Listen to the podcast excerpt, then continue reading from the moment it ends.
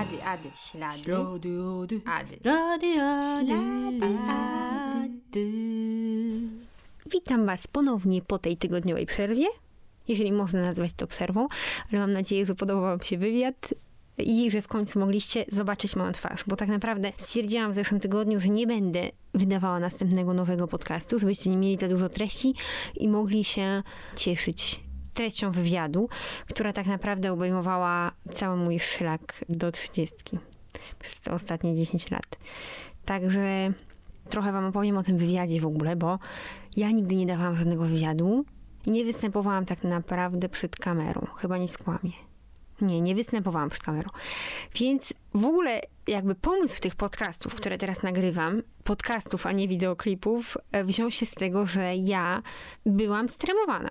Po prostu, no, niedobrze się czułam przed- przed kamerą. To nie byłoby takie spontaniczne hejho i w ogóle nawet przed mikrofonem samym, bez twarzy i bez nagrywania filmów. Czułam się z tym słabo na samym początku z pierwszymi podcastami, ale stwierdziłam, że naprawdę bardzo, bardzo chcę wam e, poopowiadać coś, co przeżyłam i jak to wszystko się wydarzyło i, i bardzo mi na tym zależało, także przezwyciężyłam ten strach przed mikrofonem i postanowiłam nagrywać podcasty. A jak wróciłam do Polski, to spotkałam się z moim kolegą z dawnych lat, Kubą, który namówił mnie na wywiad. I okazało się, że kamera też jest spoko. Także to jest może pomysł na jakiś następny projekt, ale jeszcze nie wiem jaki.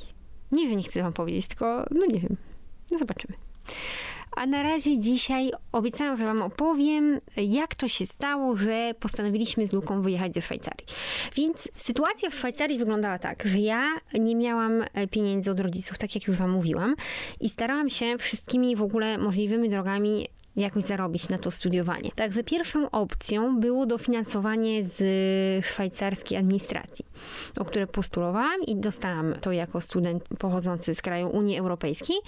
Także to było spoko. No i ta rezydencja, o której ostatnio wam mówiłam. No i do tego też jakby jak nie miałam zajęć, czy jak miałam taki luźniejszy dzień, to chodziłam na babysitting. I to też było super, bo miałam dużo doświadczenia dzięki temu programowi FIOPER. A zajęcia były w sumie, nawet jeżeli miałam zajęcia, to nie chodziłam na nie, znaczy zwykle chodziłam, no ale jeżeli już tak się zdarzało, że mogłam popracować w tym czasie, to miałam zawsze nagranie, nagrania wideo i audio, także mogłam sobie je odtworzyć w domu. Więc to też było fajne. I e, chodziłam robić ten babysitting właśnie. Miałam taką jedną rodzinę lekarzy z trójką chłopaków, także w ogóle to było takie dla mnie mega trudne tak naprawdę na początku, no bo tak jakby no nie wyobrażałam sobie, jak ja miałabym tam ustanowić jakikolwiek porządek, ale chłopacy byli super. Naprawdę. Byli mega dobrze wychowani. Na przykład tak jak były trzy posiłki, śniadanie, to jeden nakrywał do stołu, drugi nakrywał na obiad, a trzeci na kolację. I mieli godzinowo rozłożony plan grania na PlayStation. W ogóle we Francji jest tak, że nie chodzi się do szkoły. I oni chodzili do szkoły we Francji, także ja, jako że z Genewy jest niedaleko, to przekraczałam granicę i rano o 7 rano w środę byłam u nich i spędzaliśmy razem cały dzień. Także na przykład taka jedna środa w tygodniu pozwalała mi przez cały miesiąc spokojnie zarobić na czynsz i jeszcze mi zostawało. Także to było spoko. No ale poza tym, że miałam e, te dofinansowanie jako student z Unii Europejskiej, to też miałam taką kartę do e, takich sklepów z tańszym jedzeniem, który w ogóle między nami e, był robiony przez Caritas. Ale chodziłam do tych sklepów i tam było wszystko. Po prostu czekolady Linda, mango, awokado za jakieś śmieszne ceny, na przykład 2 zł za awokado. A powiem wam, że to no nawet dzisiaj w sumie to jest bardzo tanio. Już kiedyś to w ogóle była e, śmiech na sali.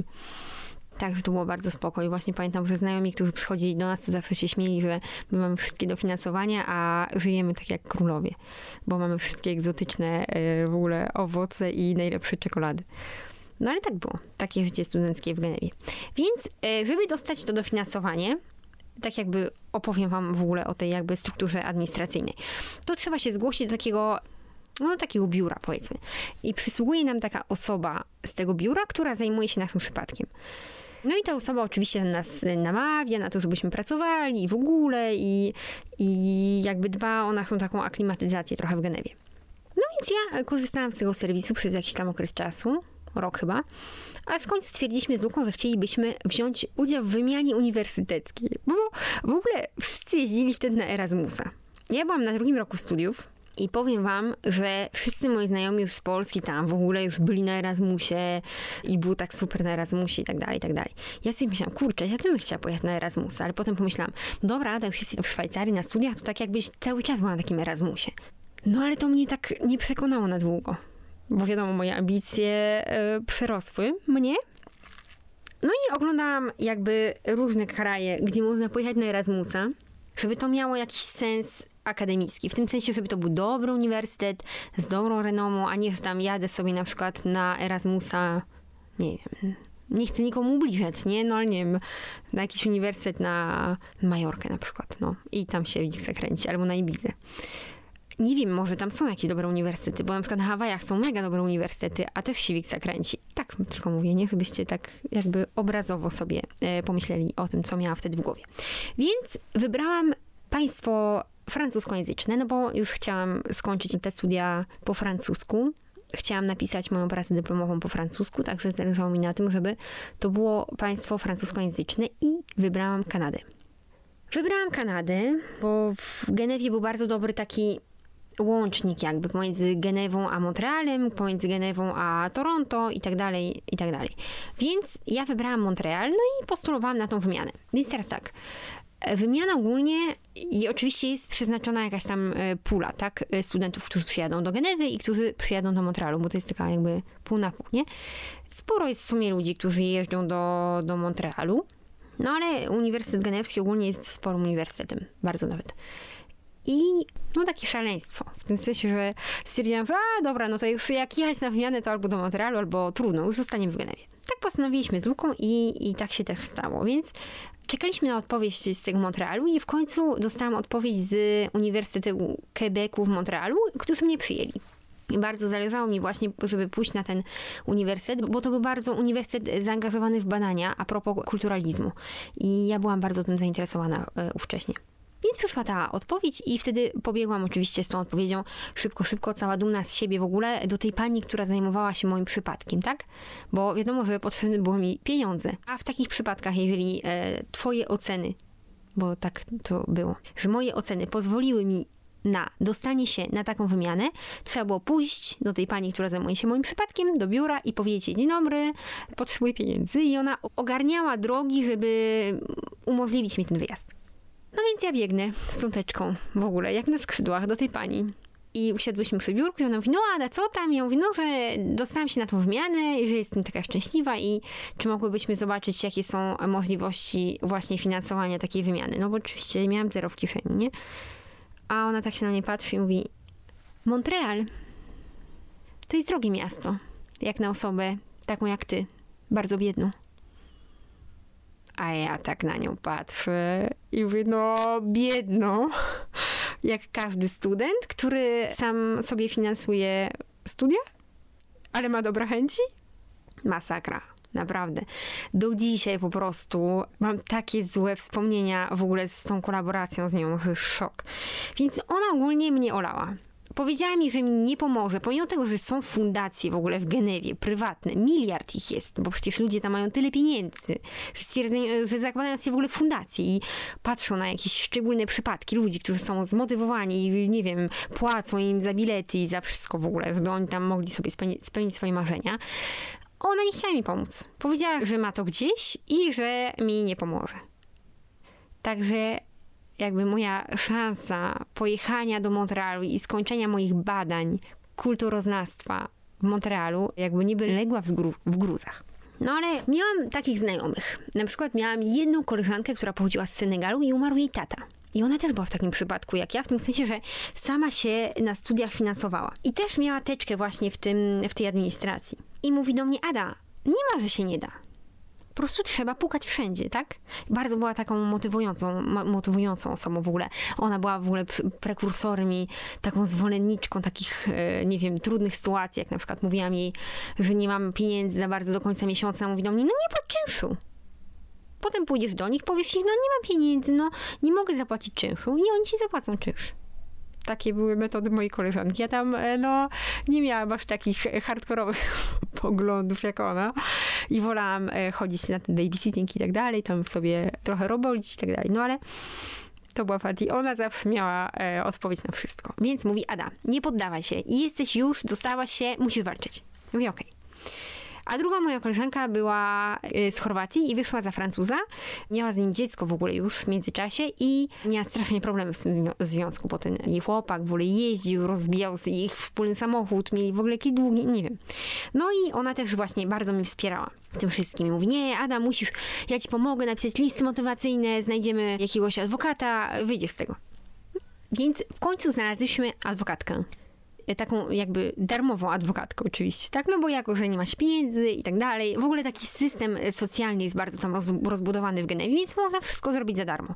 Bo oni wychodzą z założenia, że jak jesteś zmotywowany i, i masz y, jakby cel taki przed sobą wyraźny, to oni ci pomogą. I to jest super, naprawdę. Więc ta adwokatka poszła ze mną w ogóle do innego biura, takiej administracji jakby z dofinansowaniami i złożyłyśmy tam teczkę z w ogóle listem motywacyjnym mega, mega super hiper, które pomogły mi zrobić moje wyedukowane o wiele bardziej niż ja we francuskim i angielskim języku e, koleżanki. Złożyłyśmy tą teczkę do prywatnej fundacji Barbur, która właśnie zajmowała się dofinansowaniami ludzi, którzy byli zmotywowani i którzy mieli dobre oceny i w ogóle, którzy, którzy ich przekonali. Także to był bardzo taki czas intensywny, w tym sensie, że emocjonalnie ja byłam kompletnie rozbita, bo z jednej strony miałam dwie koleżanki starsze ode mnie, które wierzyły, że wszystko jest możliwe i że one mi pomogą i w ogóle stały za, mnie za mną murem i tak dalej. Z drugiej strony słyszałam jakby tą panią z administracji uniwersyteckiej, która mówiła, że na taką e, wymianę trzeba jakby, nie wiem, mieć jakiś projekt w ogóle, że trzeba być poważnym, że to są inni studenci, którzy mogą sobie na to pozwolić i że w ogóle jak ja sobie to wyobrażam, że, że powinnam się cieszyć, że w ogóle jestem w Genewie już, a nie jeszcze szukać dalej. Także to było naprawdę takie, no, rozbijające. Pamiętam, że w ogóle w tamtym czasie miałam takiego kolegę, który mnie e, wtoczył w Kevina Trudeau. Nie wiem, czy znacie Kevina Trudeau, ale ogólnie on jest takim motivation speaker. Właśnie Kevin Trudeau mówi, że trzeba zrobić wi- wizualizację, więc trzeba sobie wyobrazić, że już to osiągnęliśmy, że już tam jesteśmy, że to już się dzieje. Więc e, wydrukowaliśmy z Luką kolorowe zdjęcia Montrealu i powiesiliśmy je wszędzie w pokoju, wszędzie, wszędzie, wszędzie, po prostu nad łóżkiem. Powkładaliśmy je do książek uniwersyteckich, których e, używałam, z których się uczyłam i tak dalej. No to było naprawdę trudne. Naprawdę trudne, no bo ja naprawdę chciałam tam pojechać i najgorsze chyba w tym wszystkim było to, że wiedziałam, że mogę.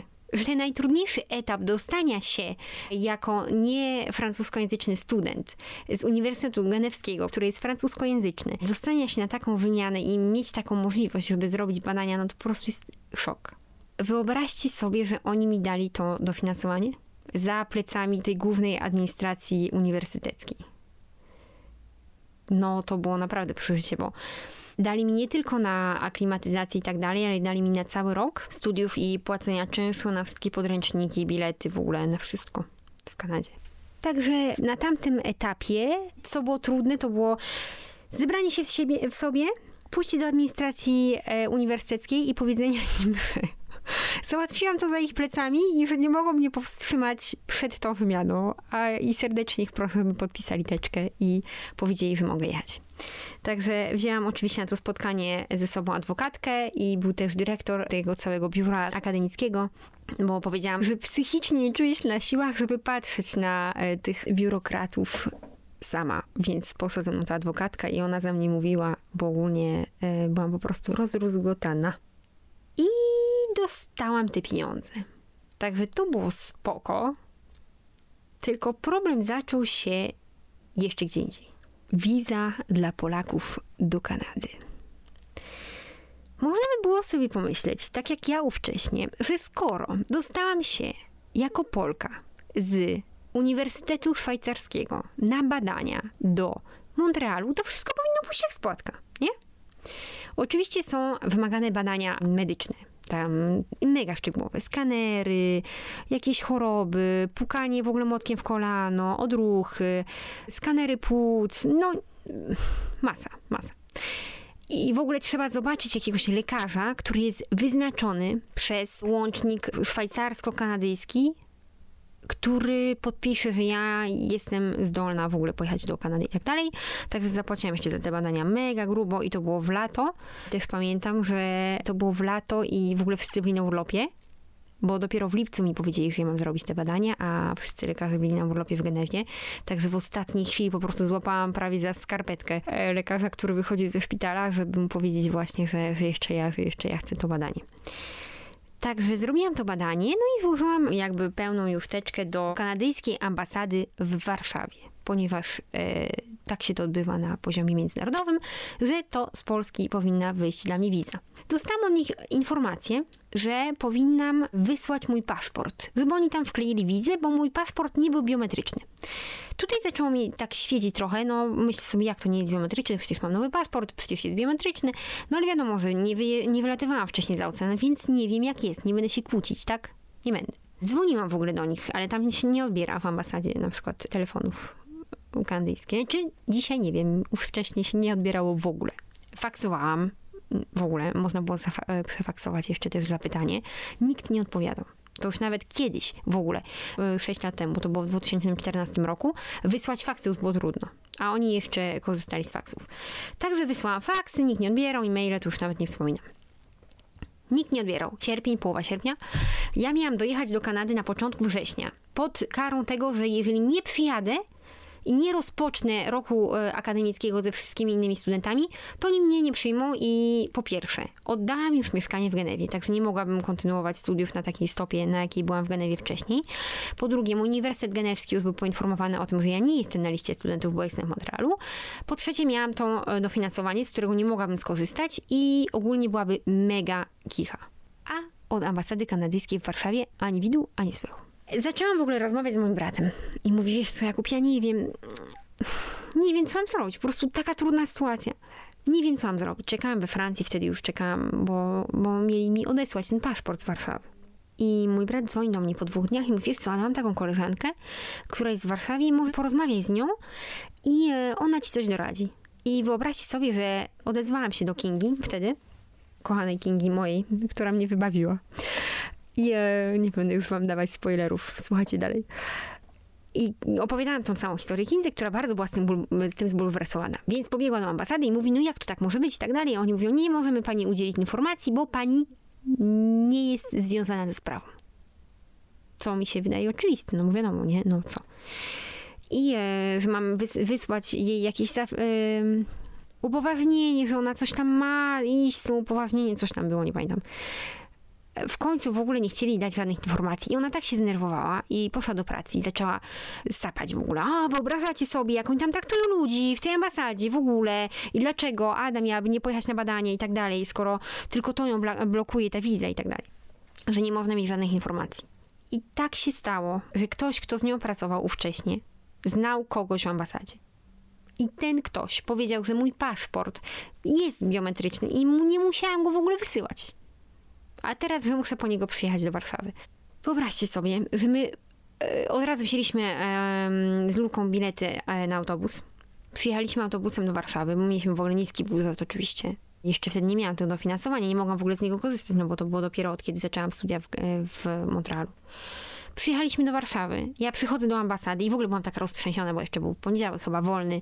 Dopiero od wtorku mogłam tam iść i tak dalej. I byłam taka roztrzęsiona, więc rozmawiam z tym ochroniarzem, który tam jest. I no nie wiem, jakoś tak nie złożyłam złą składnie, użyłam czy coś tam w zdaniu po polsku. I on do mnie mówi, tak się nie mówi po polsku. Wyobrażacie sobie? Tak się nie mówi? Ochroniarz? Ochroniarz mówi, że tak się nie mówi. Po prostu mi łzy stanęły w oczach takie upokorzenie jeszcze, jeszcze jakby ktoś na mnie napluł, to po prostu byłby szczyt wszystkiego. Więc wchodzę w końcu do tej ambasady, mówię, dobra, już okej, okay, przepraszam, że tak się nie mówi, e, największy polonisto, który stoi na bramce w ambasadzie. Wow, super, ekstra. Taka fucha po prostu, że możesz teraz poprawiać wszystkich na świecie. Kurde, mówię wam. Wchodzę do tej ambasady, i przede mną jeszcze stoi jakaś Ukrainka, która nie skumała, że jak zapyta o wizę, to nie znaczy, że ją ma. Więc przyjechała niby z Ukrainy w ogóle, z dziadkiem i z pradziadkiem, który może umrze w drodze powrotnej i pół godziny tłumaczyła, że ona potrzebuje wizy, a ta pani mówi, no nie, bo jeszcze nie mamy odpowiedzi. Wracaj na Ukrainę, hello. Także to było słabe. I w końcu jak przyszła moja kolej, to powiedziałam jej, że przyjechałam po paszport, a ona mówi, a po paszport? Ja mówię, tak, bo kazano mi go wysłać, ale podobno nie powinnam była. A, oddała mi ten paszport i tak stoi w tym okienku, no ona się na mnie patrzy, patrzy, patrzy i widzi, że ja nie odejdę. I mówi do mnie, przepraszamy. Ja mówię, dziękuję. Przynajmniej to. Przepraszamy, przepraszamy. Rozumiecie to? Także tak to. Udało się. Udało się po prostu. Jeszcze pamiętam, że to było e, koniec sierpnia i przed, byli jacyś w ogóle manifestanci przed tymi ambasadami, mieli jakieś namioty i parzyli herbatę i patrzyli tak na Lukę, który czekał na mnie przed tą ambasadą i ktoś mu w ogóle zaproponował z tych manifestantów herbatę. Więc jak wyszłam z ambasady, nie mogłam znaleźć Luki, bo był w namiocie z jakimiś typami i ogrzewał się przy jakimś elektrycznym grzejniku i oni tam mu opowiadali o, o, po polsku, jakie to przygody, jakie to ważne jest, że oni tam są i że dają herbatę. Także pozdrawiam serdecznie manifestantów, którzy zaopiekowali się moim mężem na czas mojej bitwy w ambasadzie. Pozdrawiam ich. Udało się, wyjechaliśmy do Montrealu i wow. Normalnie jakbyśmy weszli z buta razem na Monteverest. Po prostu Luka jest, jest osobą, która pomogła mi przetrwać najtrudniejsze i najbardziej trudne momenty po prostu, w których wahania były mega ogromne. I nigdy nie zapomnę tego, jak przyklejaliśmy te postery na łóżko, jak każdego dnia patrzyliśmy na te krajobrazy, które potem oglądaliśmy przez cały rok. Także trzeba marzyć. Trzeba marzyć, bo, bo zawsze jest o czym. Do zobaczenia w następnym tygodniu.